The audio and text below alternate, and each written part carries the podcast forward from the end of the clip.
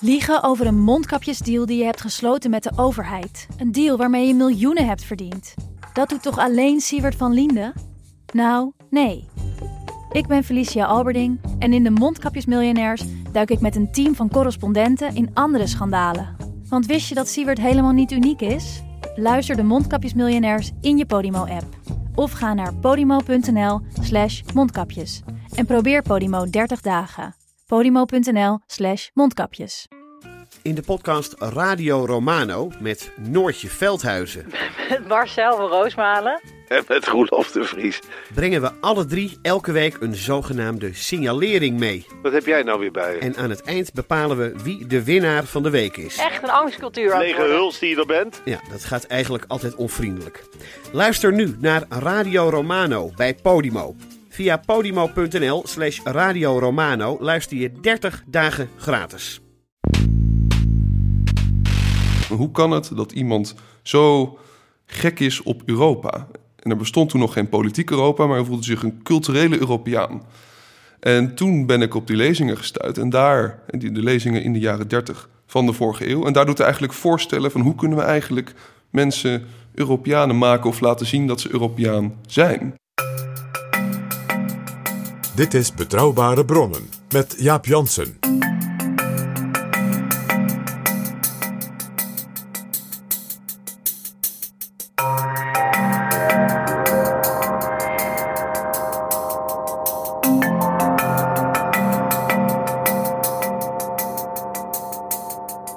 Hallo, welkom bij Betrouwbare Bronnen, aflevering 148. En welkom ook PG. Dag Jaap. Onze gast is deze keer Thomas Huttinga. Hij studeerde rechten in Leiden en Parijs met als specialisatie Europees recht. En hij publiceerde onlangs een boek met vertalingen van een aantal toespraken van Stefan Zweig. In een inleiding en een nawoord vertelt hij erover en Caroline de Gruiter schreef het voorwoord. Dat laatste is extra interessant omdat Caroline de Gruiter, toen ze te gast was in Betrouwbare Bronnen, aflevering 71, spontaan een aantal keer Stefan Zweig citeerde. Welkom in Betrouwbare Bronnen, Thomas Huttinga. Dank jullie wel. Zullen we om te beginnen even naar Caroline de Gruiter luisteren? je dompelt jezelf onder in, in dat Habsburg. En dan ineens eh, ontdek je eigenlijk dat, dat, dat er een heleboel gelijkenissen zijn met eh, de Europese Unie. Ik ontdekte eigenlijk dat het een hele leuke manier is om via Habsburg naar, naar Europa te kijken. Weet je nog Jaap dat wij met Judith Varga, de Europa-minister en rechtsstaatminister van Hongarije, van de regering van Viktor Orbán, een gesprek hadden. Waar eigenlijk al heel snel datzelfde thema aan de orde kwam. Hoe de Hongaren in het Europa van nu eigenlijk voor hun identiteit ook teruggrijpen op het Habsburgse Rijk van de 18e en 19e eeuw. Waarin Hongaren het gevoel hadden, daar telden we nog mee. Daar hadden we nog een, niet een dictateur. Dat was heel opvallend. Ja, en het interessante is, dat zullen we ook in deze aflevering merken, dat perioden in de geschiedenis, eh, we gaan nu naar teksten uit de jaren 30, dat die voor verschillende mensen en verschillende deelnemers hele verschillende betekenissen hadden en waarin ook hele ja, verschillende dromen, die soms ook tot nachtmerries werden, eh, werden beleefd. Jaap Jansen en Pieter Gerrit Kroeger duiken in de politieke geschiedenis. Thomas Huttinga, ik heb dat boek nu in mijn hand. Aan de Europeanen van vandaag en morgen heet het. Je hebt drie toespraken vertaald die Stefan Zweig zou houden. Dat is opmerkelijk, want die waren nog niet in het Nederlands vertaald. Terwijl Stefan Zweig in zijn tijd, begin jaren 30, de meest vertaalde auteur van Europa was. Ja, ja, precies, dat klopt. Stefan Zweig was in de jaren 30 ontzettend populair. Hij was een beetje een Europese superster onder de literatuur. En dat kwam onder andere omdat hij zo makkelijk schreef. Hij heeft biografie geschreven over Marie Antoinette, maar Stoert en die ging echt als warme broodjes over de toonbank. En misschien voor vandaag de dag is hij het meest bekend vanwege zijn autobiografie eh, De Wereld van, van Gisteren. En zo ben ik eigenlijk ook in contact gekomen met, met Zweig. En ik las dat en dat heeft het geschreven kort voordat hij zelfmoord pleegde in 1942. En ik dacht van hoe kan het dat iemand zo gek is op Europa? En er bestond toen nog geen politiek Europa, maar hij voelde zich een culturele Europeaan. En toen ben ik op die lezingen gestuurd. En daar, de lezingen in de jaren 30 van de vorige eeuw. En daar doet hij eigenlijk voorstellen van hoe kunnen we eigenlijk mensen Europeanen maken of laten zien dat ze Europeaan zijn. Ja, het interessante is dus dat zijn eigenlijk zijn meest politieke kant, al had hij zelf een uh, moeizame verhouding met politiek, maar die komt in die speeches naar voren en die kenden wij dus eigenlijk in het Nederlands tot nu toe niet. Nee, precies. Het is de eerste keer dat het in het Nederlands is verschenen. Het boeiende van de ontwikkeling, mag je in dit geval het woord weerdegang van Stefan Zweig uh, uh, toch wel even aanstippen, is dat hij zijn idee van een soort Europese identiteit en zelfs een Europees burgerschap, uh, dat dat begon eigenlijk vanuit zijn vriendschappen met andere kunstenaars. Van wij begrijpen elkaar als kunstenaars, als mens veel beter dan dat we zeg maar, politieke of nationale tegenstellingen hebben. En hoe kan dat? Terwijl we toch heel verschillende achtergronden hebben. Als dichters, als uh, muzici en dergelijke. En eigenlijk is dat langzaam bij hem gaan groeien naar een soort, ja, bijna een soort spirituele opvatting van wat een Europese identiteit is. En met de crisisjaren, met opkomst van het fascisme, het nationaal socialisme en ook het Stalinisme, drong tot hem door alleen mooie gedichten en opera en muziek en kunst verzamelen is niet genoeg. Zou je, je moet zeggen... meer doen om mensen en samenlevingen mee te nemen en ook te ordenen. Zou je kunnen zeggen, Thomas, uh, enerzijds is Stefan Zweig zijn tijd ver vooruit, want hij had het over een Europa waarvan we nu meer zien dan toen begin jaren 30. Aan de andere kant was hij misschien ook al ouderwets, want hij was ook een man die leefde, in ieder geval in zijn hoofd, in een wereld zonder grenzen. Want iedereen ontmoette elkaar cultureel. Ja, maar dat was wel een hele kleine elite die dat deed. Europa was toen ook echt een, een elite-project. En dat was toen inderdaad met zijn vrienden op de Kapucinerberg in Salzburg. Die kwamen er allemaal langs. Zijn vrienden als Romero Land waren allemaal Nobelprijswinnaars, kunstenaars, uh, uh, muzici als Maurice Ravel. Die kwamen er allemaal langs. Dus allemaal hetzelfde ideaal. En dat was een verenigd Europa. Dus in dat opzicht zijn er vandaag de dag heel veel stappen gemaakt. Uh, het was tot en met inderdaad de jaren 30 was Zweig bezig op die berg om moeilijke essays te schrijven over bijvoorbeeld Nietzsche. En hij verzamelde manuscripten over van Leonardo da Vinci en Goethe. Dus het, het was in dat opzicht nieuw dat hij zo Europees dacht. En Zweig die staat ook bekend als echt een, een Europeaan. Maar hoe, uh, hoe, is hij, hoe is hij in die gesprekken in Salzburg en zijn lezingen die hij overal hield totdat die meer politieke kant gekomen is. Daar een soort inspirator geweest? Dat je van dat die politieke denker of zo, die heeft hem als het ware die stap doen zetten? Ik denk een hele grote politieke gebeurtenis en dat is de Eerste Wereldoorlog. En, en tot die tijd was hij daar eigenlijk niet zo mee bezig. Dus hè, misschien kunnen we dan starten in het Wenen waar hij geboren werd. Uh, daar kreeg je de culturele paplepel. Daar werd heel, heel, heel veel kreeg hij daarmee binnen. Musea, theater, alles erop en eraan. Hij kocht ook uh, zijn boeken in plaats van geld wat hij voor danslessen had, ging allemaal naar boeken. En daar staan in het Wenen staan Goethe en Schiller tegenover elkaar. En Wenen bruist natuurlijk daarbij van de, van de Europese culturele gedachten. En, en het was het, ook het Wenen van Freud. Het was het Wenen van Mahler. Zeker. Van de moderne kunst, daar. modern ja. denken, confronterende ideeën. En dat vastgeroeste wat je daar een beetje zag met, met Frans Jozef, dat begon een beetje los te komen. En Zweig begon ook veel te schrijven over, over, over psychische uh, revoluties in mensen. Dus het was een hele bruisende periode en dat was eigenlijk Europa breed.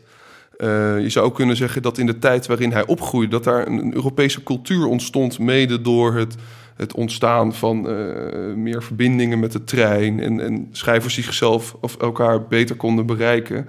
En, en dat was heel erg nieuw. En uh, over Wenen wordt ook gezegd, en dat vind ik persoonlijk een schitterende quote. Dat was Karl Kraus, die zei dat. Die zei van waar in andere steden de straten met asfalt liggen, uh, was dat in Wenen met cultuur. En in die grond, die vruchtbare grond, groeide hij op. En kon hij ook schrijver worden. En op zijn zeventiende verzamelde hij al manuscripten van, van Goethe en, en Beethoven. Dus in dat opzicht was het dus, uh, lag het eigenlijk, uh, was logisch dat hij literair zich hij zou werd ontwikkelen. dus eigenlijk geboren, hij kwam ter wereld in een voor hem, moeten we wel bij bedenken dat hij ja, toch tot de elite behoorde, want zijn fa familie had een uh, bloeiende onderneming. Maar in een voor hem tamelijk ideale wereld. Nou ja, hij werd geboren in 1881. En dat is een moment dat dus als het ware de industriële revolutie in Europa zo was opgestuurd door allereerst Engeland en België.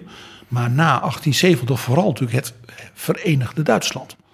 Wat ook enorm investeerde in het vaak in allerlei terreinen nog wat achterlopende Oostenrijk en Hongarije. Dus er was een enorme moderniseringsgolf gaande in zijn jeugd.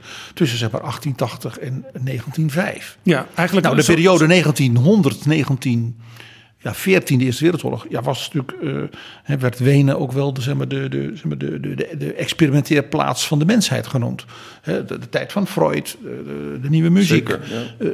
Er was dus een- Bamberg, Schoenberg. een, een bruisende cultuur en tegelijkertijd ook enorme economische boom. En heel belangrijk, Wenen was natuurlijk de hoofdstad van een ongelooflijk multi-etnisch, multicultureel, veeltalig eh, imperium. Eh, wat bijna niemand beseft is dat het parlement in Wenen, daar mocht elke volksgroep van dat enorme rijk van Frans Jozef en Sissi mocht in zijn eigen taal spreken.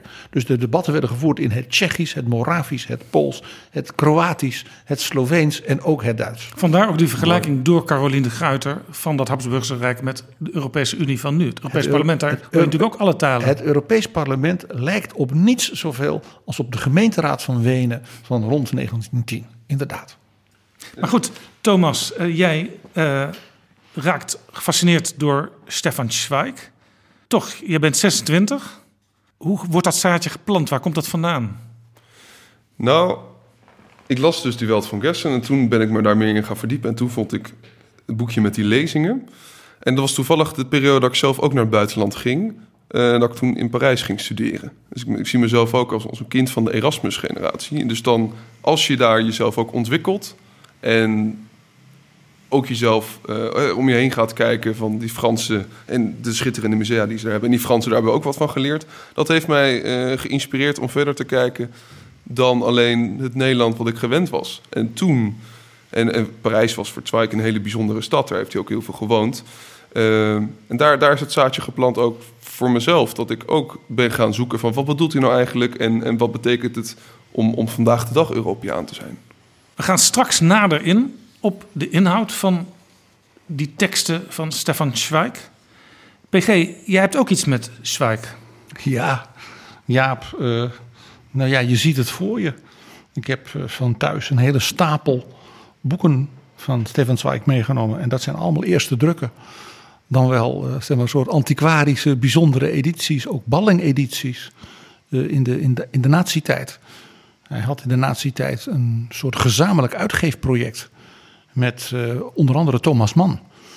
Uh, waarbij hij zoals daar een soort beschermheer was van een uitgeverij die in Nederland dus de boeken in het Duits liet drukken. Die heette uitgeverij of bibliotheek Forum.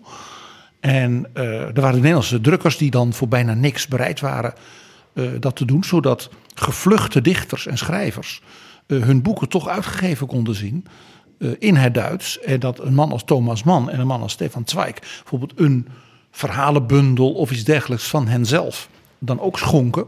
En daar dus dan geen geld voor kregen.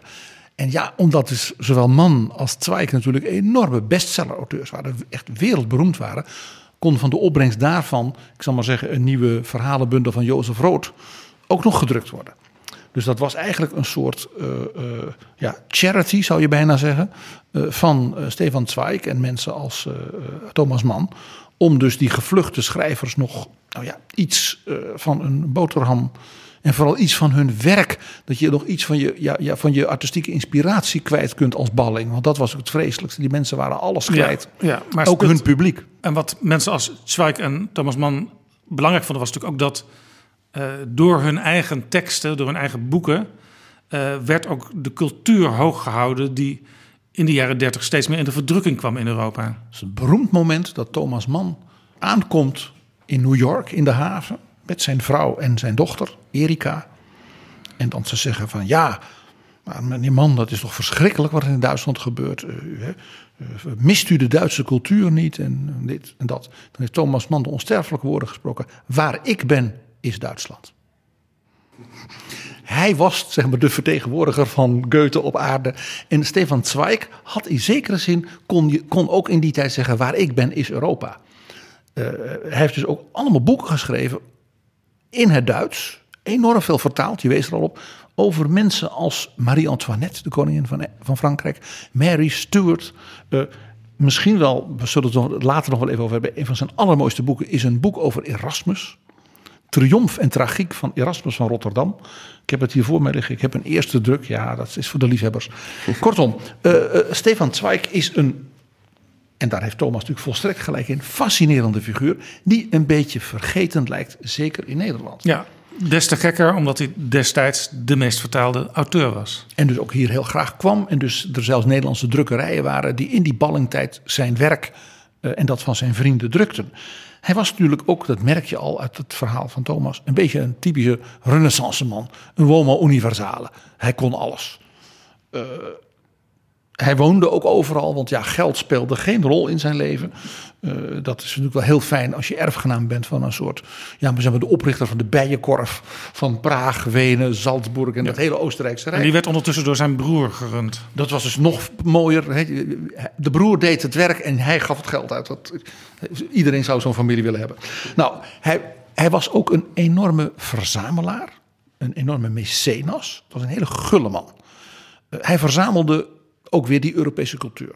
In het Beethovenhuis in Bonn bijvoorbeeld, daar hebben ze dingen van hem die hij verzameld heeft, die dan, die dan geschonken is na zijn dood. Uh, bijvoorbeeld het bureau waar Beethoven dus aan componeerde. Dat heeft hij dus gekocht. Dat was natuurlijk waanzinnig duur.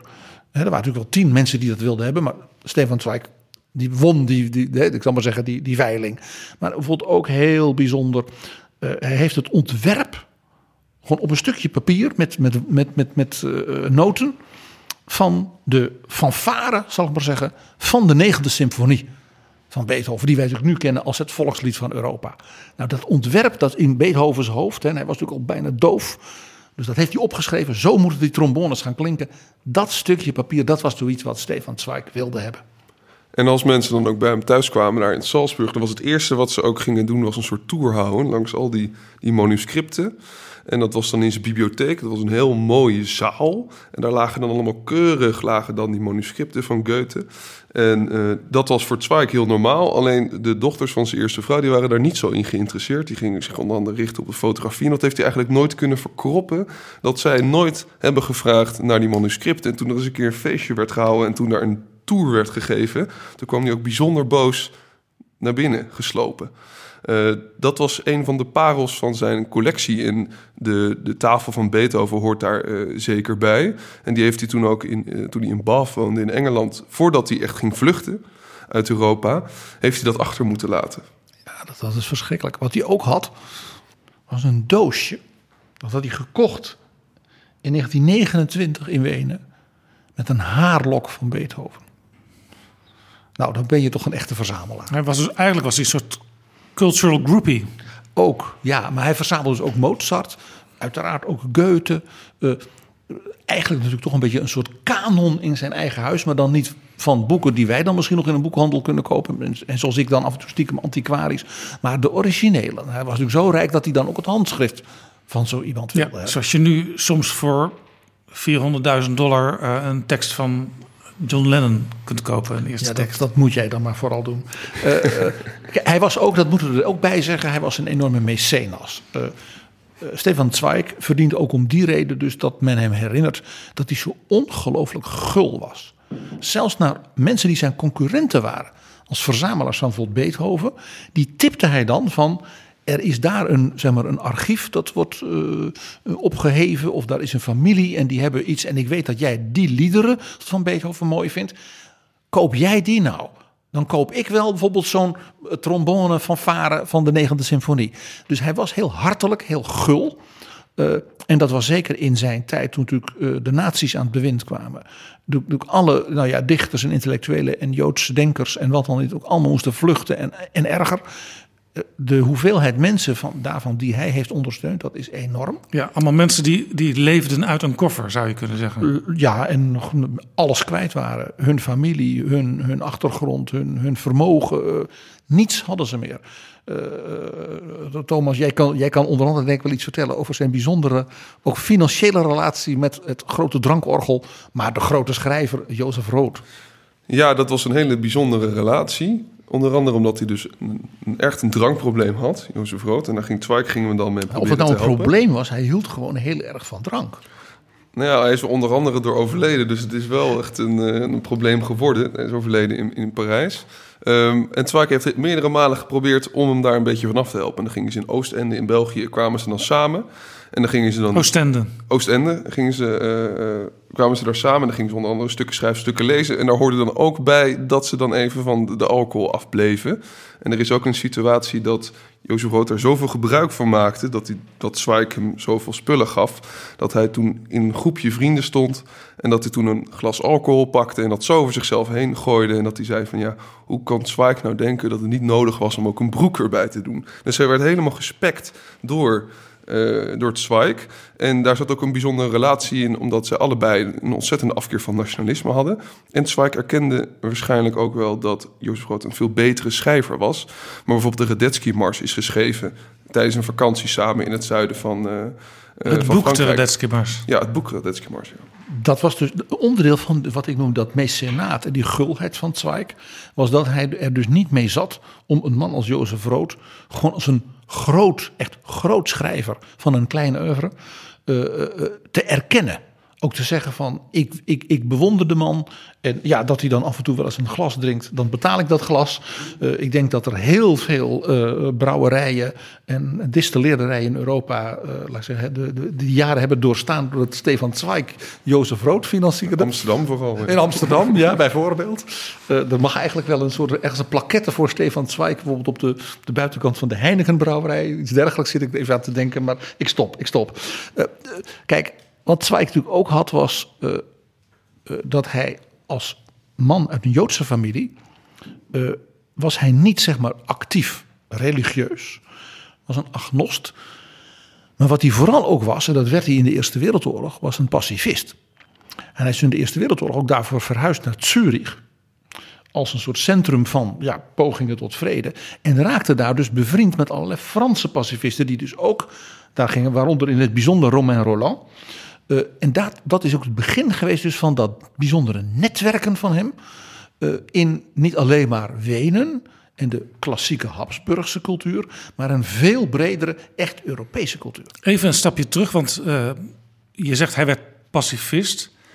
Dat was hij niet meteen, hè, Thomas? Want ook hij werd wel even geïnfecteerd door dat virus van het nationalisme toen landen tegenover elkaar kwamen te staan.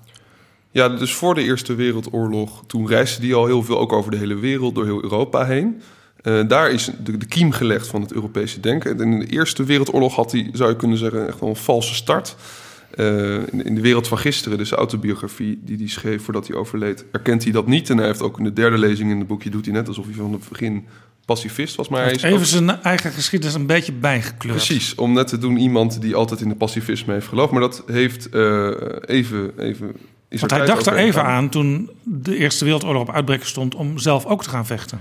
Ja, precies. Dus hij, uh, hij heeft ook aan zijn, zijn uitgever geschreven van... Uh, ik wil graag vechten. En toen liet hij zijn baardje staan. Toen kwam hij zijn eerste vrouw tegen in een café in Wenen. En die zei van, wat, wat doe je eigenlijk? Hij was fysiek ook niet zo fit dat hij uh, het leger of iets dergelijks in kon. En eigenlijk later, onder andere toen hij dus naar Zurich is gegaan... daar heeft hij het boekje Jeremias geschreven. En dat is een eigenlijk het begin van ook een pleidooi voor universeel broederschap. En dat ten tijde van oorlog. En toen schreef Romain Roland schreef ook aan hem van... je bent de Europese geest waar wij al zo lang op wachten. Het is echt met name door Romain Roland die hem heeft beïnvloed... en hem een pacifist heeft gemaakt. Uh, en, en, dat heeft, is eigenlijk het begin geweest van een, een, jarenlange... tot en met eigenlijk zijn dood zou je kunnen zeggen... voor universeel broederschap, voor Europees broederschap... maar ook pacifisme. Dat is allemaal begonnen in dat boek. En daar in Zurich. En daar had hij ook mensen als James Joyce uit Ierland. Die kwam daar. Nou, dat, dat was allemaal een groepje die een ideaal hadden. Namelijk het pacifisme. Even, een ondeugende vraag. Heeft hij in Zurich dan ook Lenin ontmoet? Want Lenin woonde toen met zijn partijbestuur en zijn maîtresses en wat dan niet in Zurich. Dat, dat zou ik niet weten. Dat zou wel een hele interessante zijn. Voordat hij een enkele reis Moskou nam. Ja, dat, dat ja. op zichzelf zou je daar bijna een soort film over hoe die mensen elkaar zouden hebben kunnen ontmoeten. Maar bedenk ik een. een PG, Stefan Zweig is dus bij uitstek iemand, we hebben het al vaker over gehad, die ja, met laten we zeggen, de hele wereld in contact stond. Hij had overal vrienden en kennissen. Hij logeerde overal. Zijn, zijn huis stond overal. Hij was dus, we hebben het nu altijd over het globalisme, maar hij was dus cultureel zeker ook al een globalist. Hij staat helemaal in de traditie van die mensen, Jaap, waar jij al vaker tegen mij zei, van, van dat in de verhalen van mij, of het nou Alexander van Humboldt is, hè, of Thomas Jefferson en, en, en, dat soort mensen, dat je het meest, wat jou altijd weer opvalt, ze kenden elkaar in zekere zin allemaal. Ze schreven elkaar brieven, ze kwamen bij elkaar op bezoek. Uh, ze waren soms ook zelfs familie van elkaar, uh, geliefden. Uh, dat is dus bij Stefan Zweig in optima forma het geval. Waarbij natuurlijk ook nog speelde dus zijn hartelijkheid, zijn gulheid. En laten we eerlijk zijn, zijn enorme fortuin. dat hielp natuurlijk toch. En ook zijn belangstelling. En iets wat zeker voor jonge mensen van nu heel belangrijk is. Het feit dat hij die, dat die, dat hij die mensen hun talen sprak. Niets is natuurlijk zo behulpzaam als dat je zeker als Nederlander, goed Duits, goed Frans, goed Engels, Spaans, Italiaans. Vul maar in. Wat dus leuk was, was dat hij het netwerk van kunstenaars eh, en pacifisten, wat dan erbij kwam, dat hij dat dus vervolgens na die Eerste Wereldoorlog als het ware ging uitbouwen tot in feite een soort politiek-spirituele beweging. En daar zijn die lezingen als het ware zeg maar, de, de, de, de meest pregnante uitingen van, naast natuurlijk zijn enorme literaire werk. En op zijn geboortehuis in, in Wenen staat ook van hier woonde een cosmopoliet. En hij zag zichzelf ook als een cosmopoliet. Een wereldburger noemde hij zichzelf. Hij was en Europeaan en hij was daarboven wereldburger. En dat ging inderdaad tot en met zijn vriend Romain Roland. En, en ik zelf ook, die hadden ook contact met mensen als Gandhi. Nou, die kwamen dan gewoon naar Europa en ze geloofden allemaal in hetzelfde. En dat is het cosmopolitisch humanisme. Ze waren dus ook een tijd lang gefascineerd door de Sovjet-Unie. Vanuit het idee dat na de tsaristische tijd, die natuurlijk in cultureel opzet voor de elite natuurlijk ongekend groots was geweest. Met muziek en schrijvers en wat dan niet. Maar voor de gewone Rus en al die volkeren natuurlijk een verschrikking was geweest. En ze hebben dus een tijd gehad, de jaren twintig was natuurlijk het beeld ook dat de Sovjet-Unie een soort nieuw paradijs was voor kunst en vernieuwing en innovatie. En daar waren zij ook wel door gefascineerd. Ja, ik heb tentoonstellingen gezien bijvoorbeeld van Malevich. Uh, hele moderne kunst. En in de jaren twintig werd dat ook nog wel gestimuleerd door de Leninisten. Dat was op een gegeven moment natuurlijk afgelopen. Ja, maar dat... dat, maakte ook dat hij gefascineerd was door dat nieuwe Sovjetrijk. Ja, aan het einde van de jaren twintig is hij dus ook, maakte hij een uitstapje naar Rusland. En dat heeft ermee te maken, onder andere, dat er heel veel Amerikaanse invloeden hier waren. Heel erg kapitalistisch. En hij schreef ook van die mensen maakten zich alleen maar druk om geld en macht. Hij was ook in, in Nederland geweest. En toen hij toen terugkwam, eh, toen schreef hij ook aan Romain Roland... schreef hij van, ze, ze, ze maken hier zich alleen maar druk over geld. En ze, ze weten niet wat ze doen met al het geld hier in Nederland. En toen heeft hij dus een uitstapje gemaakt naar Rusland. En dat was eigenlijk tot de grens dat hij zag dat intellectuelen daar niet konden zeggen wat ze wilden zeggen. En hij vond het daar fascinerend dat daar in Sint-Petersburg... daar de boeren ook onderwezen werden over, over Rembrandt en, en dat soort namen. Dat vond hij allemaal, allemaal schitterend. Maar toen hij het moment dus had van... ik, mag, ik ben er niet vrij... toen is hij weer richting Europa meer gegaan, het centrum van Europa. En toen heeft hij die lezingen geschreven. En zijn vriend Romain Roland, die is ook nog later bij Stalin op bezoek geweest. En die heeft nog langer nodig gehad om daarvan uh, terug te keren. En dat is ook een van de redenen geweest waarom, ze, uh, waarom hun vriendschap ook verbroken is. Dit is Betrouwbare Bronnen. We hebben het al over eh, de val van het Tsarenrijk en de komst van de Sovjet-Unie. Maar dat was eigenlijk in, de, in heel Europa waar er enorme politieke veranderingen gaande. Hè? Want uh, die industrialisatie, die culturele beleving die hij zelf had. En onderschat niet, Jaap, we hebben het over een periode. Ik zei maar, geboren 1881. Nou ja, tot de Tweede Wereldoorlog. Dat Europa, eh, ook met zijn koloniale imperia, natuurlijk in feite de wereld beheerste. Dus het instorten van die imperia van de tsaren, van Habsburg, maar ook in hele belangrijke mate van de Osmanen, dus de sultan, leidde ook tot een enorme zeg maar, uitschudden opnieuw van de machtsverhoudingen in de wereld. Uh, waarbij dus uh, het empire van de Britten, het Franse koloniale rijk, maar ook het Nederlandse koloniale rijk, natuurlijk het gevoel hadden van gaan wij dit nog volhouden? Een vriendschap met Gandhi was natuurlijk ook een anti-koloniale vriendschap. En je kon dus ook het idee hebben als, als Europees burger van Nu gaan we het eindelijk helemaal goed doen. Alles wat niet deugde in de afgelopen eeuwen, dat kunnen we nu achter ons laten. En er was nog iets bij mensen als uh, Zweig speelde natuurlijk ook een zekere, ja, noem het maar, verlies, uh, nostalgie, na natuurlijk die prachtige ordening van voor het verdrag van Versailles en voor die gruwelen van de Eerste Wereldoorlog. het was natuurlijk allemaal misschien wel een beetje ouderwets. Het keizer Frans Jozef, die natuurlijk al in 1848 op de troon kwam. maar uh, ja, het was wel, je had wel zekerheid. En die culturele bloei kwam er toch maar. En dat gold natuurlijk in, in zekere zin onder de tsaren ook. En uh, ja, wat er voor in de plaats kwam, ja, als je een Oostenrijker was, dan had je de Republiek Oostenrijk, dat was Tirol, hè, nog wat andere bergdorpen en de stad Wenen als een soort waterhoofd. En dat was het. Tsjechië, Bohemen was weg, Moravië, alles was weg. En dat waren nu nieuwe republiekjes of het koninkrijk Joegoslavië, wat uit, uit het niets was bedacht. Men was dus ook heel veel kwijt. Ja, dus ze zochten een nieuw soort Europees verband vanuit kunstenaars, vanuit dus dat contact tussen nou ja, die mensen die met elkaar letterlijk en figuurlijk elkaars taal nog wel spraken. Maar tegelijkertijd kwam het nationalisme, dat stak de kop op. Dat werd natuurlijk aangemoedigd door het verdrag van Versailles. dat vanuit het ja, mensheidsoptimisme van de Amerikanen, van president Wilson, zei: Als je nou elk volk zijn eigen stukje geeft, dan gaan ze allemaal ja, fijn samenwerken en wat dan niet. Dat was natuurlijk buitengemeen naïef van de Amerikanen. Bovendien, laten we er niet omheen draaien. President Wilson kwam ook niet op het idee om alle 50 staten van de Verenigde Staten een eigen natie te geven. Maar in Europa wel. En ja, die volkeren, of ze nou onder de tsaar, onder Habsburg of onder de sultan hadden geleefd, die hadden natuurlijk geen democratische traditie. Dat was geen, zeg maar, moderne vrije governance. dus dat zo'n republiek als Tsjechoslowakije dat eigenlijk hartstikke goed deed, was, was, was knap. Eh, maar eh, er waren ook een heleboel van dat soort landen waar het helemaal niet goed ging. En waar dus nationalistische, fascistische bewegingen natuurlijk heel snel ja, voet aan de grond krijgen. Ja, en als het niet goed gaat, dan wordt er ook vaak teruggegrepen op de, de grootste historie in een ver verleden. En dat wordt dan opgepoetst. En bedacht soms. En dan denken mensen, ja, dat moeten we weer hebben. Ja, en dat was natuurlijk wat met name in het verslagen Duitsland. Hè, dat zijn keizer kwijt was en zijn keizerrijk. En, en, en ja, ook hè, land, stu, stukken land kwijt was. Waar dus uh, natuurlijk de dolkstootlegende ook nog speelde. Het waren de Joden en uh, links, die hadden het in het veld niet verslagen Duitse leger, dus verraden. En nou ja, gevoelens van verraad en van verlies.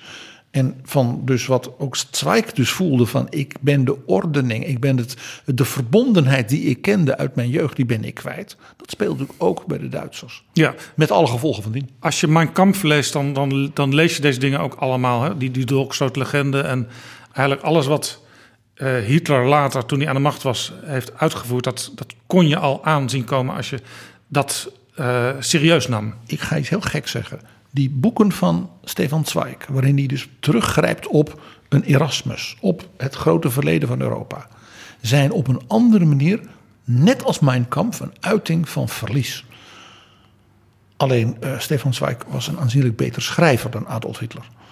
Uh, maar als, als, als product van een ontheemd soort cultuur zijn ze eigenlijk beide te begrijpen. Ja, hij was een optimist tenminste de stukken die ik heb gelezen uit jouw vertaling, we gaan het zo nog nader over hebben. Daar blijkt toch optimisme uit. We kunnen iets met Europa. Maar het was ook misschien een beetje tegen beter weten in. Ja, dat was een hele grote klap voor Zweig. Onder andere de Eerste Wereldoorlog. Je kan je ook afvragen of hij daar ooit van bekomen is. Onder andere met, met, met die tijd van vooruitgang. En dat die, die, die Europese beschaving dan die inderdaad samenwerkte. Waar de een elkaar aanvulde. Daar heeft hij nog heel lang voor nodig gehad om daarvan bij te komen. En na de Eerste Wereldoorlog wilde hij ook uit Nederland bijvoorbeeld Frederik van Ede en uit Italië Benedette Croce. Die wilde hij dan bij elkaar halen om dan het, het moreel geweten van Europa te zuiveren. Wie, welke Nederlanders waren hem, voor hem daar belangrijk Frederik van Ede. En daar had hij contact mee. En zijn vriend Romero ook. Die, die zou dan de afgezant van Nederland zijn. En in de jaren twintig heeft hij daar ook heel lang voor nodig gehad om te zien van hè, die intellectuele, het woord, dat, dat voldoet niet. En dat is ook zo interessant met die lezingen, dat dat eigenlijk het moment is dat hij de pen oppakt. Hij spreekt zich niet politiek uit, maar hij pakt wel de pen op om dat Europees humanisme te beschermen. En dat is op de achtergrond al met het opkomst van het fascisme, met de beurskracht van 1929. En dat is een paradox in die lezingen. Is, hij schrijft over broederschap. En hij schrijft erin heel mooi en heel verzoenend. Maar op de achtergrond speelt dat fascisme en het nationalisme dus een ontzettend Die donkere wolken die zie je achter zijn hoofd als het ware verschijnen aan de horizon. Licht en duisternis, dat is als een rode draad door zijn leven. Ik heb daar een werkelijk heel bijzonder voorbeeld van. En dat is zijn werk samen met de grote componist Richard Strauss. Richard Strauss had een ja, collega medewerker die voor hem zijn mooiste opera schreef. Hugo van Hofmannsthal, een Oostenrijkse dichter. En die stierf heel plotseling. En toen zocht Richard Strauss een ander. En wie vond hij? Je raadt het al, Stefan Zweig. En die zei, ik, kunt u voor mij een stuk schrijven? Heeft u iets wat u zegt, dat stuk, dat, daar droom ik al heel lang van... dat ik het dan op muziek kan zetten? En Zweig die zei, ja, zeker. Hun briefwisseling is dus ook heel interessant. Hij zei, een komedie uit de 18e eeuw uit Engeland. Ook hier zie je weer dus die Europese gedachte van Ben Jonson. En hij zegt, daar ga ik een Duitse zeg maar, toneelversie van maken... die u dan op muziek kunt zetten. En die opera die heet Die Schweigzame Vrouw. En dat is dus een komedie. En die schreef je dus in 1933, 34, 35. Eigenlijk als een soort tegenbeweging tegen de tragiek, tegen de ellende. Nee, als Europeanen, we kunnen samen lachen, we kunnen samen er nog iets moois van maken. Ja, maar dus een komedie met een uh, donkere ondergrond. Zeker. Die werd ook verboden. En ja, ja, ja, ja, het is een geweldig verhaal. Uh, Richard Strauss zei toen hij het stuk kreeg, zonder omhaal. Strauss was toen al 70, dus die had een enorme loopbaan al achter zich als componist. Die zei: Dit is de allerbeste zeg maar, tekst, operatekst voor een vrolijke opera. Ooit geschreven sinds Le Nozze de Figaro van Lorenzo da Ponte voor Mozart. Nou, er is, ik zal het maar zeggen, voor, voor, de, voor ons als opera-liefhebbers geen groter compliment denkbaar. Dus Richard Strauss was gegrepen door die tekst. Die is dus gaan schrijven en componeren. De slotaria daarvan, daarvan zei Strauss ook altijd. Wie schön is toch die muziek, heet die slotaria. Hij zegt, die basaria is misschien wel een van de allermooiste fondsen, fondsen die ik als muzikus in 30 jaar heb gedaan. Kortom, die twee dat, die waren voor elkaar gemaakt. En Richard Strauss was politiek tamelijk naïef, en dan zeg ik het netjes. Hij ging ervan uit dat de Führer, Adolf Hitler, als operaliefhebber aanwezig zou zijn bij de première in 1935. En dat zou natuurlijk zijn in de Semperoper in Dresden. Want hij dacht daar gewoon eigenlijk uh, uh, mechanisch over. Namelijk, Hitler is nu de leider van dit land. En een dus hij moet erbij zijn bij zo'n belangrijke première. En ik ben de voorzitter van de kunstkamer van het Derde Rijk, want dat was hij. En ik ben de grootste levende componist van Duitsland, want bescheiden was hij zeker niet. En dus ja, de vuur komt gewoon. En toen werd hij medegedeeld, ja, wij hebben begrepen dat het libretto is geschreven door die Jood Stefan Zweig, die ook nog een soort emigrant is. Die allemaal nare dingen over ons zegt in speeches in Parijs en wat al niet. Uh, u mag ten eerste, die naam mag helemaal niet op het affiche. Waarop Strauss zei, ik pieker er niet over. Wie, wie denkt u wel dat u bent? Heeft hij toen tegen Goebbels gezegd. Letterlijk, wie denkt u wel dat u bent? Zijn positie ik, was zo sterk dat hij dacht, dat kan ik wel zeggen. Toen heeft hij gezegd, ik ben de grootste levende Duitse componist. Ik doe wat ik wil. Toen heeft Goebbels tegen een medewerker gezegd... Richard Strauss zal nog gaan merken wie ik ben. Een van de meest sidderende uitspraken. Voor mij, ik krijg er letterlijk weer koud van. Van dus een, een, nou ja, een tiran tegen een Ja, Hij zal weten- nog wel merken wie En we ben. weten dat Goebbels natuurlijk ook verantwoordelijk is voor boekverbrandingen. Onder andere de boeken van Stefan Zweig. Nou, wat gebeurt er?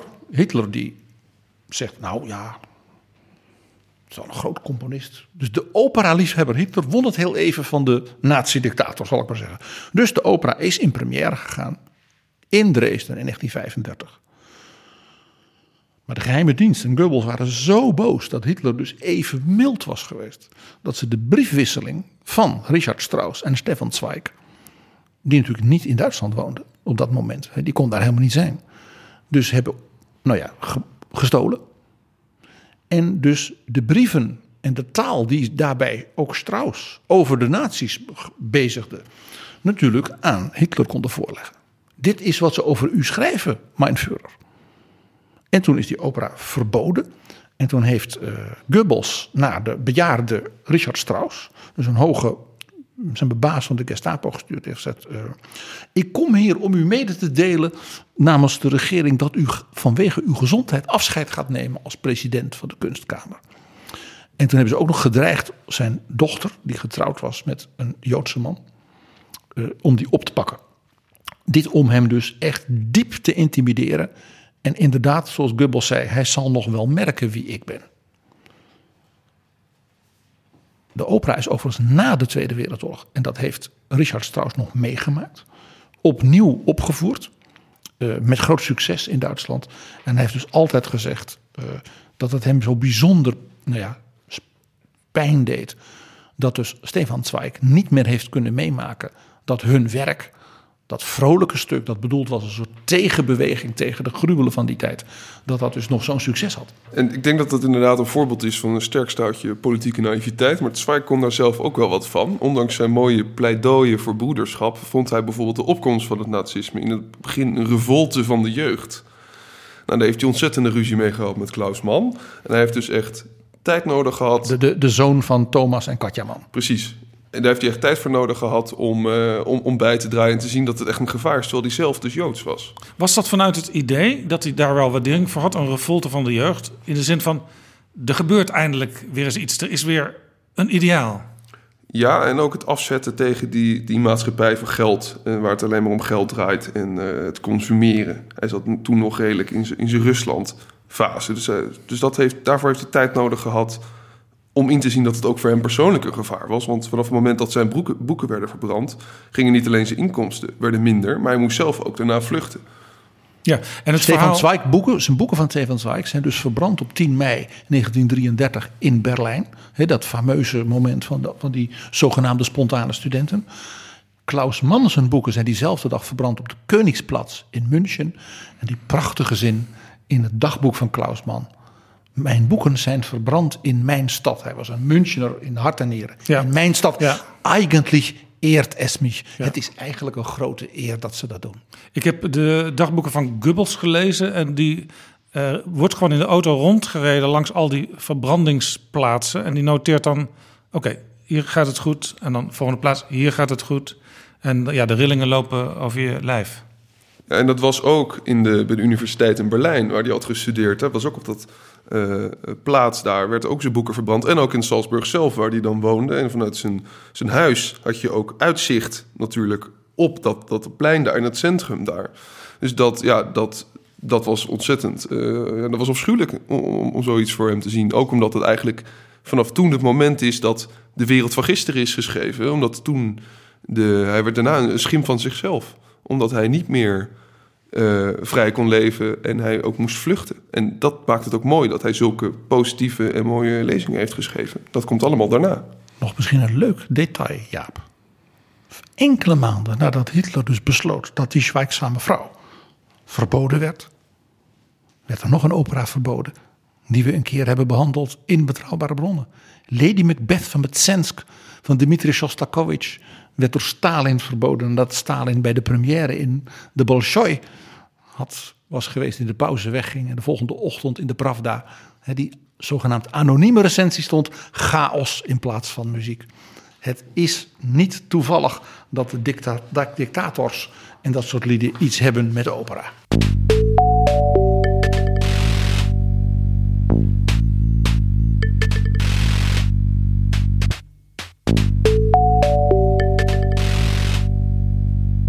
Laten we naar het boek kijken. Want we hadden het net over 1935, we hadden het over 1933. De eerste tekst, Thomas, die jij hebt vertaald, dat eh, was een lezing bedoeld voor een congres in Rome. Die lezing heet De morele ontgifting van Europa.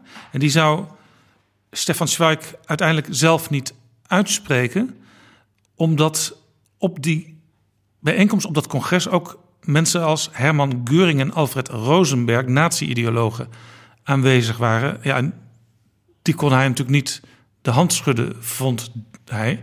Wat mij. Ze waren toen dus nog niet aan de macht. Nou ja, wat mij dus, 32. wat mij dus opviel was dat er blijkbaar nog congressen waren waar toch een vrij uh, brede schare aan denkbeelden besproken werd. Ja, precies. En eigenlijk in die tijd al was, was Zweig een beetje een vreemde eend in de bijt, omdat hij toen zich ook herhaaldelijk had uitgesproken voor het culturele ideaal in Rusland, waar hij toen dus later op, op terugkwam. En het fascisme, dat was natuurlijk, uh, 1923 was het al opgekomen. Ehm, ja, dat zat, was al dus al negen jaar bezig daar in Rome. En, en hij is toen uitgenodigd door zijn vriend Marconi om daar dus een speech te geven. En de uitvinder. De uitvinder Marconi. Waar we de radio aan te danken hebben. Dat was, precies. Dus die kende hij dus ook alweer? Die kende hij ook. Dus om aan te geven hoe verbonden hij was met iedereen. Hij wordt dan uitgenodigd om een congres te geven. Maar toen hij dus hoorde van de mensen die er aanwezig waren... heeft hij dus besloten om wel een speech te schrijven. Maar uh, is hij zelf niet gegaan. Dat past dan in het plaatje van een Zweig die een soort van een activistische pen oppakt. Hij heeft van in 1932 daarvoor heeft hij in Florence een lezing gegeven in het Italiaans. Die is al wel al eerder in het, uh, in het Nederlands verschenen. En daar schreef hij ook over de, de Europese gedachte. En dit was dan de tweede lezing die hij in datzelfde jaar geeft. Maar die houdt hij dus niet vanwege de aanwezigheid van fascisme en de oproep tot een fascistisch Europa. Wat daar toen was. En het, het tegenstrijdige is dat hij zelf in die speech eigenlijk een soort humanistisch Europa schetst. Die is dus wel voorgelezen daar uh, voor december de deelnemers. Ja, hij heeft iemand gevraagd om het, uh, om het voor te lezen. Hij noemt een aantal dingen in die speech in Rome.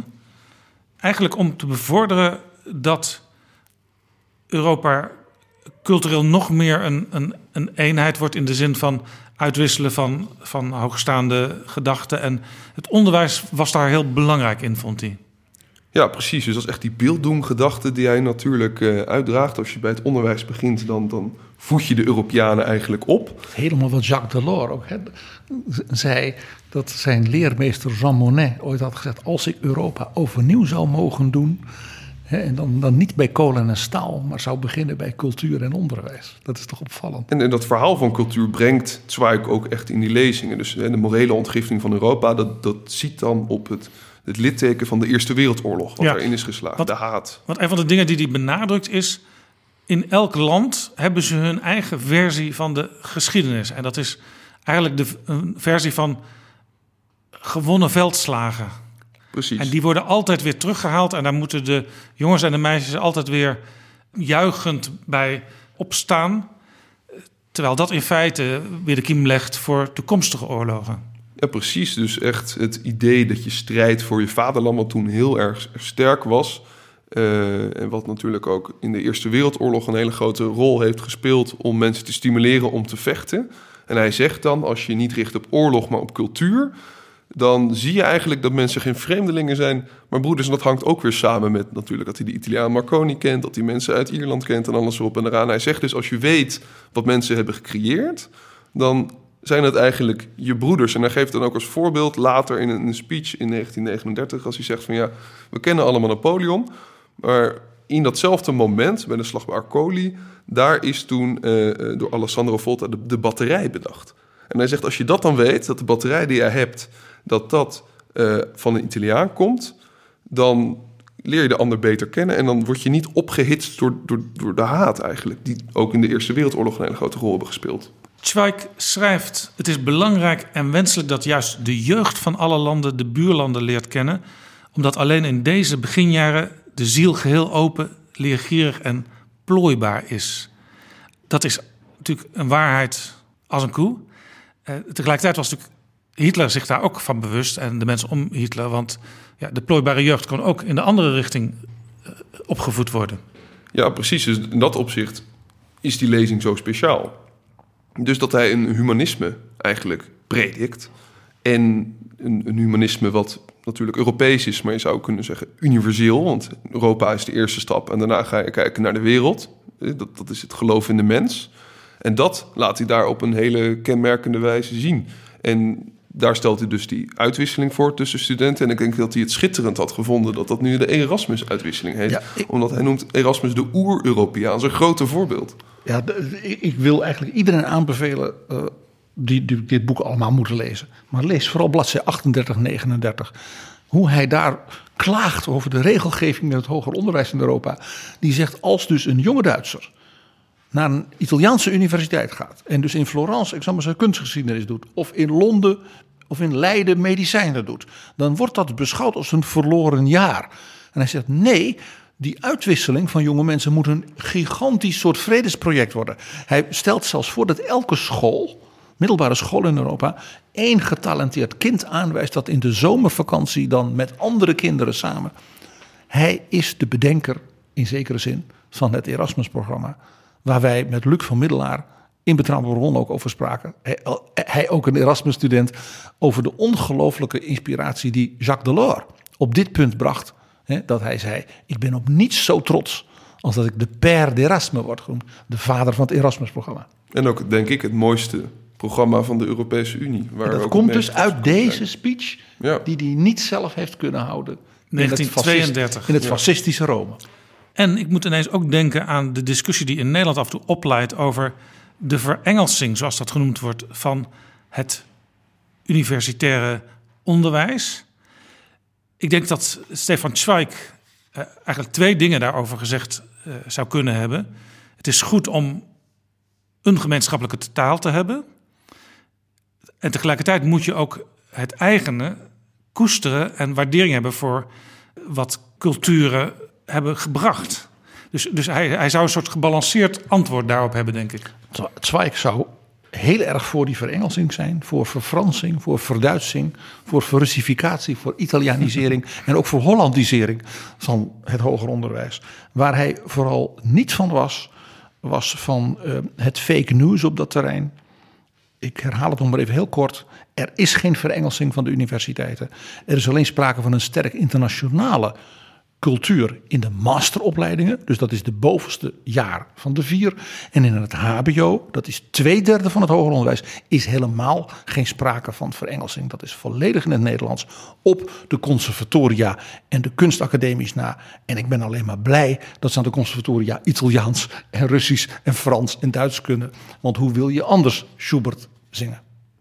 Heel interessant vind ik ook in, in die speech, ik lees het op pagina 43 we moeten een internationale en supranationale instantie opzetten die de macht en de plicht heeft om elk onjuist over een ander land gepubliceerd bericht of beschuldiging te weerleggen.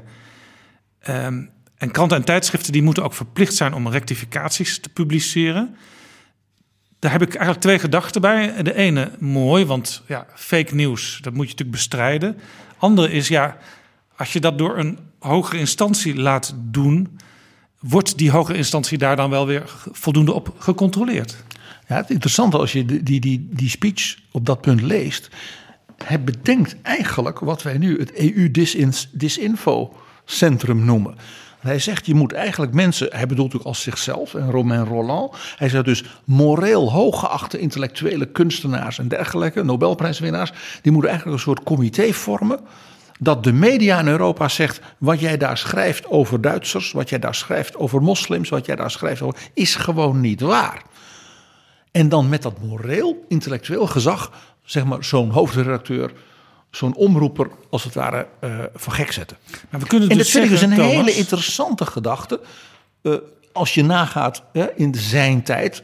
Uh, en zeker als je dus kijkt hoe we nu, ook met social media, worstelen met ik zal maar zeggen, uh, hackers, trollen. Uh, ik bedoel, Mark Zuckerberg zou eigenlijk nog eens een keer zijn Stefan Zweig moeten lezen. Het is dus, Thomas, een heel actueel verhaal, die speech uit 1932. Ja, en toen ik dat las, was ook voor mij het idee van dit zullen meer, moeten meer mee. Ook omdat het al zo, zo oud is. En, en inderdaad het idee van, voor Caroline de Guit noemt het een fake news agency. Als je dat vandaag zo zou oprichten, zeg maar. Uh, maar dat idee van we moeten dat nepnieuws bestrijden was eigenlijk geboren vanwege de Eerste Wereldoorlog. Die mensen waar die eerst allemaal mee correspondeerden en waar die uh, mensen als Renoir, Paul Valéry. En dat je ineens in de krant leest dat de Fransen bijvoorbeeld uh, baby's aan het doodsteken zijn of in de fik aan het steken zijn. Alleen maar om dat patriotistische gevoel op te hitsen Daar is het idee geboren van we moeten dat voorkomen. En dat stelt hij dan ook voor in, in 1932 om er dus voor te zorgen dat mensen zich niet laten leiden door ja, fake news. Want er werd dus gehandeld op basis van legendes. Eh, zoals je nu eh, complottheorieën hebt die discussies tot grote hoogte kunnen oplaaien. En wat natuurlijk sterk oorlogspropaganda was in de Eerste Wereldoorlog eigenlijk uh, iets nieuws. Want dat was natuurlijk voor de eerste, zeg maar, ja, wereldomspannende conflict van de moderne tijd, van de moderne media, van de massademocratie, de massakranten uh, en dergelijke. Uh, dus al die regimes uh, die gingen, zodra die oorlog was uitgebroken, ineens denken: hoe gaan wij nou de bevolking als het ware enthousiast houden voor de oorlog? En hoe gaan we de mensen dus een soort uh, angstgevoel en haatgevoel tegenover onze tegenstanders aanpraten? zeker in die imperia als Habsburg. Ja, die natuurlijk multinationaal en multilinguistisch en multicultureel waren geweest. Men ging dus ineens een soort uh, nationalistische verhalen bedenken om de mensen maar te kunnen ophitsen. En het werd ook vanuit de staat gestuurd, dat nieuws. Uh, er is daar een schitterend boek over. Dat is de Thibaut van Roger Martin Dugas. En dat is een vriend van Zweig, is ook een Nobelprijswinnaar. En die laat dat ook heel mooi zien in dat boek. Hoe mensen na een tijdje dus onafhankelijk nieuws hadden. Maar dat het zo erg gestuurd werd vanuit de staat. dat het inderdaad, uh, inderdaad die berichten lazen over wat de buren deden. Uh, voor afschuwelijke dingen. En dat hoefde niet op, op waarheid te berusten. Uh, en dat stelt hij dan ook voor in 1932. En daarom, daarom handelt hij naar die wijze. Dat is eigenlijk het, het litteken van de Eerste Wereldoorlog. Eén ding is duidelijk: dit boek uh, zou in het Russisch vertaald moeten worden en in Moskou worden verspreid. Ja, misschien als er een luisteraar is die denkt. Uh... Ja, dit was dus 1932. Dat is eigenlijk de laatste keer dat hij nog zo optimistisch kon zijn, denk ik. Want eh, toen merkte hij zelf, eh, ook gezien wat er in Duitsland gebeurde, de grond wordt maar te heet onder de voeten. Ja, precies. Dus hij kreeg daarna meer last van, van, van het nazisme. En hij heeft toen nog een tweede lezing geschreven. Dus de, de, tweede lezing in het boekje. De eenwording van Europa. Ja, en, en daarin doet hij nog een, een poging om dat idee te bevorderen. En dus hij wil mensen in een Europese hoofdstad bij elkaar laten komen.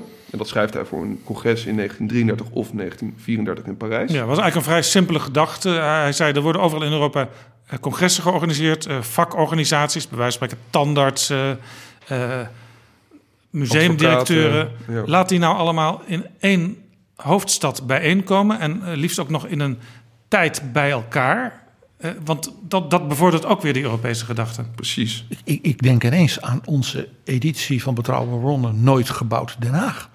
Rond 1905, 1910 is er geprobeerd om in de duinen, zeg maar tussen Katwijk en Scheveningen, die wereldhoofdstad te bouwen, waar precies deze dingen allemaal bij elkaar zouden komen. En, ja, en, en, en, en, en uh, Zweig bepleit, vind ik ook heel leuk in die tweede lezing. Eigenlijk zou Europa zijn eigen Washington DC moeten hebben.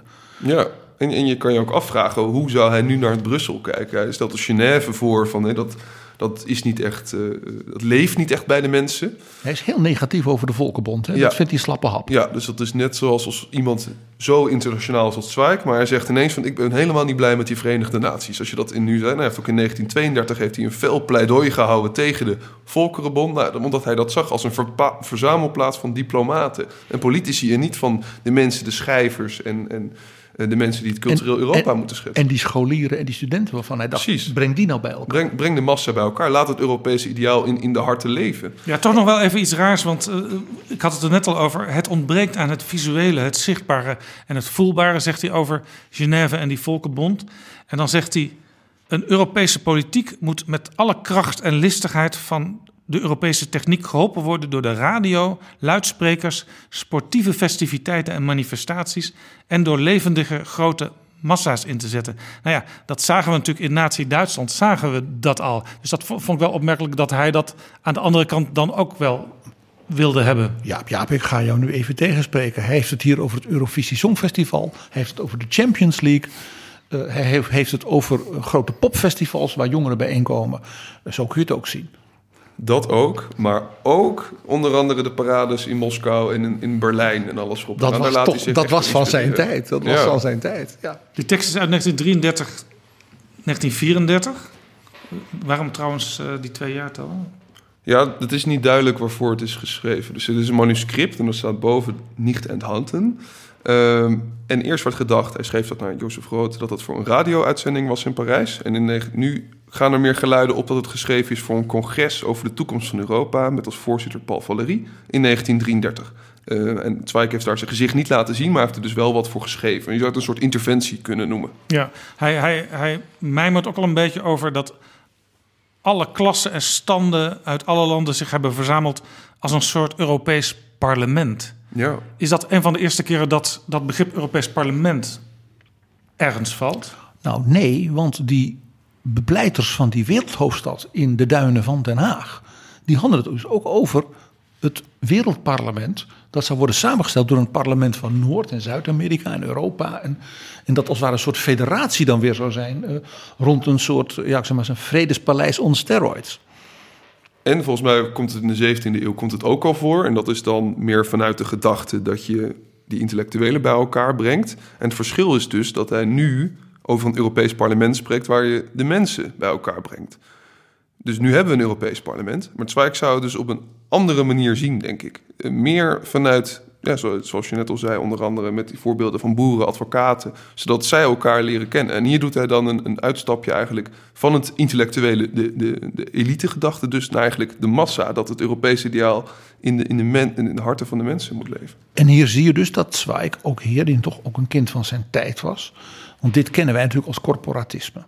Dat je zegt de boeren, de arbeiders, de, de onderwijzers, de intellectuelen hebben allemaal hun delegaties.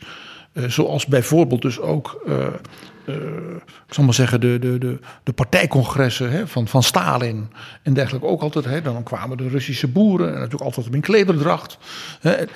Dat is natuurlijk van zijn tijd. Dat is een meer corporatistische gedachte. Ik vind dus persoonlijk die gedachte, je zou een soort Washington DC moeten hebben, een soort vrijplaats. En net als- de stad Washington, die is niet deel van de staat Virginia. En ook niet deel van de staat Maryland. Dat is helemaal van zichzelf. Had ook heel lang, mochten ze niet stemmen, hè, de mensen in Washington, voor de presidentiële verkiezingen. En dat je als daar in Europa een soort vrijplaats hebt, waarin als ware de, nou, de mensen parlementair, politiek, maar ook cultureel elkaar kunnen ontmoeten. En dan niet zoals in Genève met eh, diplomaten en een hoop gedoe en papier. Want dat zat hem vooral tegen, denk ik. Het was een hoop papier. Maar mensen dus in de vorm van nou ja, inspiratie, cultuur, spiritualiteit. En ook elkaar letterlijk en figuurlijk leren verstaan. Ja. Drie speeches. De eerste bedoeld voor Rome, de andere voor Parijs. De derde waar we het nu over gaan hebben, daar staat bij Rio de Janeiro 1936. De grond werd hem dus te heet onder de voeten. Hij was overal thuis, maar zijn eigen thuis, daar kon hij niet meer naar terug. Want hij heeft een aantal plaatsen toen als woonplaats gehad. Ja, toen woonde hij al in Engeland. Toen is hij Salzburg eh, ontvlucht. En inderdaad, toen in die tijd moest hij ook een beetje Europa ontvluchten. En dat is ook de tijd waarin hij meer van Europa wegkijkt en eigenlijk om zich heen begint te kijken. Dus dat ideaal van verbroedering, dat gaat hij niet vinden in Europa. Onder andere in 1936, hij, toen hij naar Rio de Janeiro ging, stopte hij nog in een Spaanse stadje om daar de Spaanse burgeroorlog eh, te zien on- ontwaken. Ehm, en daar gaat hij dus naar Rio de Janeiro. En daar pleit hij dus, en dat is daarom ook misschien wel een van zijn meest idealistische speeches die hij heeft geschreven. Die hij ook echt zelf heeft ges- eh, gegeven daar in Rio de Janeiro. Ja, in het Voor- Instituto Nacional de Musica. Precies, voor een gevulde zaal. En hij wordt opgehaald door de, de, de, de minister-president, daar, of de president van Brazilië. Ja, hij was zo beroemd daar als schrijver dat hij dus ook op het presidentieel paleis ontvangen werd door het staatshoofd. Ja. Om, nog even om die, Stefan Zweig was dus echt, die was, dat was een wereldnaam. Ja, hij schrijft ook aan zijn vrouw van ik voelde me een, Charlie Chaplin. Eh, overal handtekeningen en al- al- alles erop en eraan. En daar pleit hij dus in Rio de Janeiro voor universeel broederschap. Terwijl de, burgeroorlog al is begonnen, eh, zegt hij daar een pleidooi van ja, Europa kan het niet meer doen en jullie moeten het doen. Jullie moeten het oppakken. En eh, Europa heeft het geestelijk leiderschap verloren. En uiteindelijk is dat ook een gedachte die je in de wereld van gisteren leest, maar ook tegen het einde van zijn leven aan, waar hij ook weer terug zou komen in Brazilië. Uh, en waar hij ook zelfmoord zou plegen in 1942. Want het idee was, de, de Eerste Wereldoorlog heeft al heel veel schade berokkend aan Europa. Maar zo'n Tweede Wereldoorlog, uh, die misschien ook wel uh, naar Amerika komt. Vandaar dat hij ook in Amerika op een gegeven moment dacht: ik moet hier ook niet meer zijn. Toen ging hij naar Zuid-Amerika. En ook daar kreeg hij twijfels. Blijft het hier ook nog wel veilig? Nou, interessant puntje uit de Amerikaanse geschiedenis. Onder andere president Franklin Delano Roosevelt was in deze periode buitengewoon bezorgd over de politieke ontwikkelingen in Zuid-Amerika. Heeft dus enorm geïnvesteerd in culturele, diplomatieke relaties met Zuid-Amerika. Omdat hij zei, daar zijn toch vaak ook militaire en autoritaire bewinden. Eh, als die geïnspireerd raken door Hitler, door Mussolini, daar was hij bijna nog banger voor, vanwege de Latijnse kant van het fascisme. Hij zegt, dan kon het wel eens zo zijn dat dus de naties uh, bijvoorbeeld vloothavens en dergelijke voor hun onderzeeboten gaan krijgen in nou, Brazilië, in Venezuela, in Panama. En dat was natuurlijk het laatste wat de Amerikaanse president wilde, die al in eigen land het zo moeilijk had, natuurlijk met America First bewegingen. Die zeiden wij moeten ons er vooral niks mee bemoeien. Dus het investeren in, ik zal maar zeggen, een democratische, pro-westerse ontwikkeling in met name Brazilië als het grote land, maar ook Argentinië, was een van de belangrijke, zeg maar, minder bekende politieke strategieën van Franklin Delano Roosevelt. Ja, Stefan Zweig zegt in die lezing die hij dus heeft uitgesproken in Rio de Janeiro. Zelden was de atmosfeer van de wereld zo vergiftigd door wantrouwen, verdeeldheid en angst. Onrustig pakken we elke ochtend de krant en leggen we deze met een zucht van opluchting neer als er niets bijzonder gevaarlijks is gebeurd. Af en toe denken we in onze slaap de donkere vleugels van de dreigende oorlog te horen. Ja, en dat is dus echt die achtergrond die je al hoort met het, het, gevecht in, eh, in Europa, de Eerste Wereldoorlog en, zijn droom die hij al een beetje in duigen heeft zien, zien vallen. Nou ja, in 536 had je natuurlijk uh, de inval van uh, de Italiaanse fascisten in Afrika, in Ethiopië, wat een genocidale oorlog was. Je had ook de Spaanse burgeroorlog, wat ook zeker in Zuid-Amerika een element was wat ja, het dagelijkse nieuws beheerste, want het was toch Spanje. Uh, ja, ik bedoel, eh, dat, dat waren dus die duistere ja, donderwolken die men natuurlijk zag komen. Uiteindelijk, hij wordt ook depressief. Nou, nou kun je zeggen dat dat is een ziekte, dus dat is ook nog weer iets aparts. Maar hij denkt gewoon: uh, het komt niet meer goed met Europa. En dat leidt uiteindelijk, je noemde het net al even, tot uh, het moment dat hij een einde aan zijn leven maakt. Ja, dus hij is dan 1936 in Rio de Janeiro. Dan gaat hij onder andere ook in Argentinië langs. En dan gaat hij weer terug naar Engeland. Uh, in Bath woont hij dan. Daar trouwt hij ook met, met zijn secretaresse, uh, Lotte Altman. Um, en dan maakt hij uitstappen in onder andere New York. En daar ziet hij ook mensen als Klaus Mann bijvoorbeeld, die zich daar verzamelen. Um, en daar merkt hij ook dat, de, dat het ook al heet onder zijn voeten wordt. En dat is een reden, mede met de gezondheid van zijn tweede vrouw, om dus naar Brazilië te gaan. Maar zodra hij in Brazilië zit, begint de post wordt minder, het contact ebt weg. En uh, hij schrijft nog wat boeken. Hij schrijft bijvoorbeeld een, een stuk over Montaigne, de, de Franse filosoof. Uh, maar zijn depressies worden inderdaad erger. En hij schrijft ook in zijn afscheidsbrief van... Uh, ik kan het niet nog een tweede keer meemaken. Europa, zijn vaderland is verloren gegaan. Ja, is ja. niet meer. Hij, hij, raakte, toen hij Engeland verliet... Uh, had hij aan de ene kant in New York nog... dat zeg maar, de, de ballinggemeenschap van de internationale cultuur... ook de Duitse en Oostenrijkse... Dat die, nou, die zag hij dan, dan nog wel. Hè? Mensen als Klaus Mann en zo. Maar hij vond daar voor zichzelf als man van, uh, ja, toch ook uh, uh, in, in, begin 60 geen plek meer. Hij, hij was voor de tweede keer ontheemd. Hij was natuurlijk ontheemd door wat ik maar noem, hè, het instorten van de ordening van het Habsburgse Rijk en wat hij van zijn jeugd. Nou, dat had hij met dat Europees idealisme geprobeerd weer nieuw soort ja, inhoud en, en, en, substantie te geven. En nu was weer ontheemd. En dus in de Verenigde Staten heeft hij, uh, anders dan bijvoorbeeld iemand als Klaus Mann, eigenlijk zijn draai niet meer gevonden. Uh, ook zijn tweede vrouw was daar niet gelukkig. Uh, hij had er dus geen vrienden meer zoals hij gewend was geweest. Dat netwerken van hem, dat, dat, dat was allemaal veel minder. ja, en toen die verhuizing naar Brazilië, ik denk dat hij daar dus diep vereenzaamd is geraakt. Daar had hij helemaal geen contact meer. En toch ook de angst van het zou hier toch ook kunnen komen. Ja, dat heeft hem zo aangegrepen dat hij letterlijk geen uitweg meer zag. Ik denk een keerpunt ook is dat hij dan in Rio de Janeiro is om carnaval te vieren. En hij waande zich daar enigszins veilig, maar hij leest dan in krant, terwijl hij dus daar carnaval viert, leest hij volgende dag hoe dan Libië is binnengevallen door Nazi-Duitsland. En dat had nog zomaar gekund dat het dan doorging naar Brazilië. En dat was eigenlijk, je zou zeggen, het begin van het einde van, van de persoonswijk die daar in, in Brazilië leefde. En toen heeft hij inderdaad besloten om, om een eind te maken. En hij, hij schreef ook later, schreef hij van, ik was toch meer Europeaan dan ik dacht. Namelijk, hij heeft altijd zijn blik gehouden op het continent. En hij vond het afschuwelijk om daar te lezen wat daar gebeurde. En zijn moeder overleed er bijvoorbeeld, waar hij niet bij kon zijn.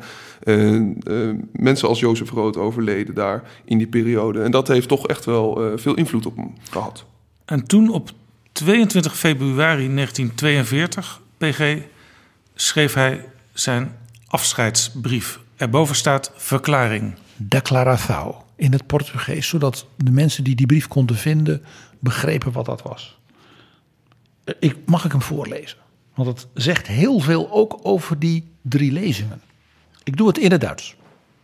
Ehe ich aus freiem Willen und mit klaren Sinnen aus dem Leben scheide, drängt es mich, eine letzte Pflicht zu erfüllen.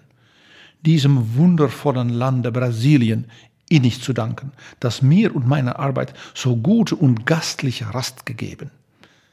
Mit jedem Tage habe ich dieses Land mehr lieben gelernt und nirgends hatte ich mir mein Leben lieber vom Grunde aus neu aufgebaut.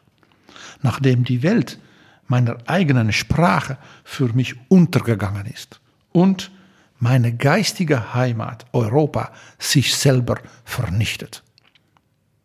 Aber nach den 60 Jahren bedurfte es besonderer Kräfte, um noch einmal völlig neu zu beginnen. Und die meinen sind durch die langen Jahre heimatlosen Wanderns erschöpft. So halte ich es für besser, rechtzeitig und in aufrechter Haltung ein Leben abzuschließen, dem geistige Arbeit immer die lauterste Freude und persönliche Freiheit das höchste Gut dieser Erde gewesen. Ich grüße alle meine Freunde. Mögen sie die Morgenröte noch sehen nach der langen Nacht. Ich, allzu ungeduldiger, gehe ihnen voraus. Dankjewel, PG, voor het lezen van deze afscheidsbrief. Zullen we hier ook langzaam nu deze aflevering van Betrouwbare Bronnen mee afsluiten? Ik wou eigenlijk nog ietsje, ietsje uh, meer optimisme nog, als dat mag, Jaap. Kijk, eh, we eindigen natuurlijk niet optimistisch. Maar het feit dat uh, zo'n denker en zo'n schrijver al die Europese gedachten al had, waar we nu langzamerhand meer van zien en waarvan we denken van hé, hey, dat was toch nog niet zo vreemd bedacht door Stefan Zweig. Dat, dat, dat vind ik wel optimisme geven. Ja, dat veel van zijn gedachten, zijn ideeën, uiteindelijk na 1945, een Erasmus, de Europese culturele hoofdstad, zelfs het disinformatiecentrum van Europa, dat dat realiteiten zijn geworden, dat wel. Maar dat de man zelf zei, hè, mijn, mijn, mijn, mijn heimaat, mijn geestelijke heimaat, heeft zichzelf vernietigd. En dus ga ik er zelf nu ook maar aan. Dat heeft iets vreselijks. Toen Thomas Mann, die op dat moment in Californië woonde, dit hoorde, toen reageerde hij eigenlijk heel bitter. Hij zegt: De man had geen zorgen, had enorm succes.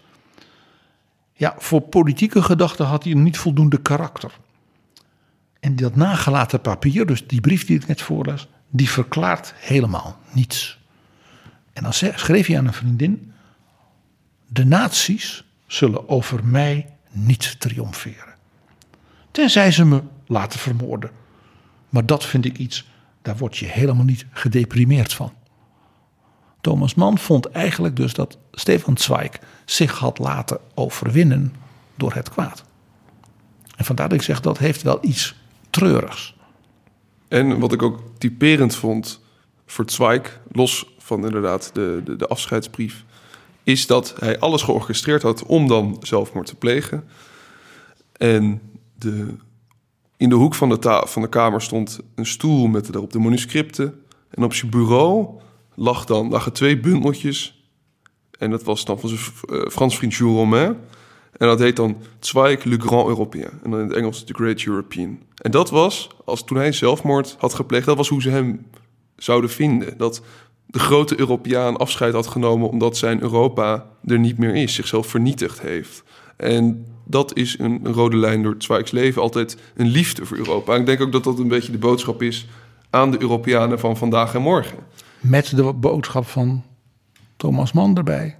Laat de schoften niet winnen. En bouw aan een cultureel Europa. Leer, leer je mede-Europeanen kennen. En uh, er is nog daar een wereld, wereld in, in, in, te winnen. Wat we over onze mede-Europeanen kunnen winnen. En ik denk dat hij het afschuwelijk gevonden zou hebben.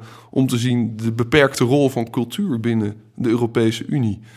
Ondanks dat er natuurlijk nu veel cultuur is. en dat is nu allemaal digitaal natuurlijk. denk ik dat dat voor hem het hart is van het Europees denken. Namelijk cultuur en broederschap. En dat is de, de mooiste boodschap, vind ik van het boek. Die hij ons misschien nu 2020 meegeeft. Lees dat boek Stefan Zweig aan de Europeanen van vandaag en morgen. Samenstelling en vertaling Thomas Huttinga met een voorwoord van Caroline de Gruiter.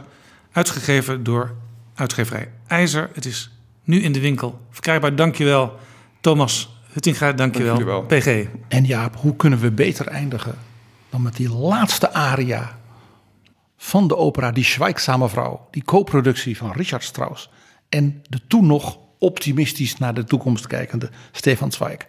En die aria noemt Richard Strauss, die toen al in de 70 was, een van mijn mooiste melodische vondsten. En is een aria voor bas. En de hoofdpersoon die zegt dan aan het eind van deze komische opera: Ach, het komt allemaal wel goed. En hij zingt dan dit: Wie schön is doch die Musik, aber wie schön erst, wenn sie vorbei ist. Wie wunderbar ist doch eine junge, schweigsame Frau. Aber wie wunderbar erst, wenn sie die Frau eines anderen bleibt. Wie schön ist doch das Leben. Aber wie schön erst, wenn man kein Narr ist und es zu leben weiß. En wij horen nu de grote Finse bas Matti Salminen. En die zong deze aria. Wat heerlijk is toch de muziek en wat heerlijk is het leven. Bij de opening van het nieuwe operagebouw van Helsinki.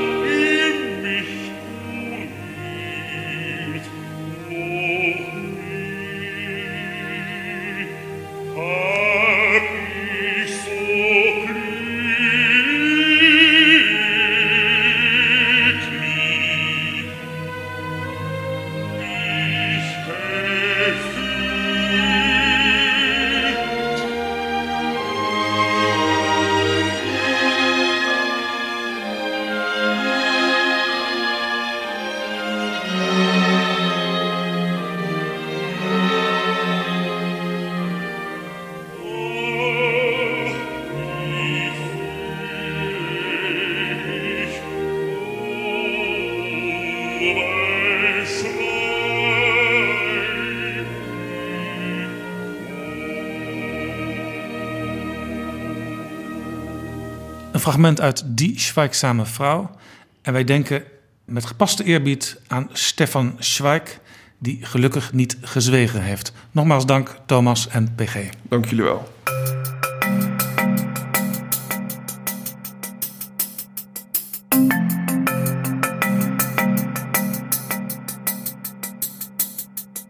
Zo, dit was Betrouwbare Bronnen, aflevering 148.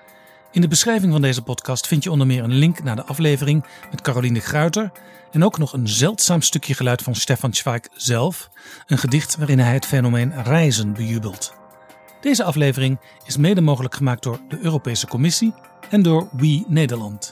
En natuurlijk door donaties van luisteraars via de site vriendvandeshow.nl/bb. Tot volgende keer. Betrouwbare bronnen wordt gemaakt door Jaap Jansen in samenwerking met dag en nacht.nl.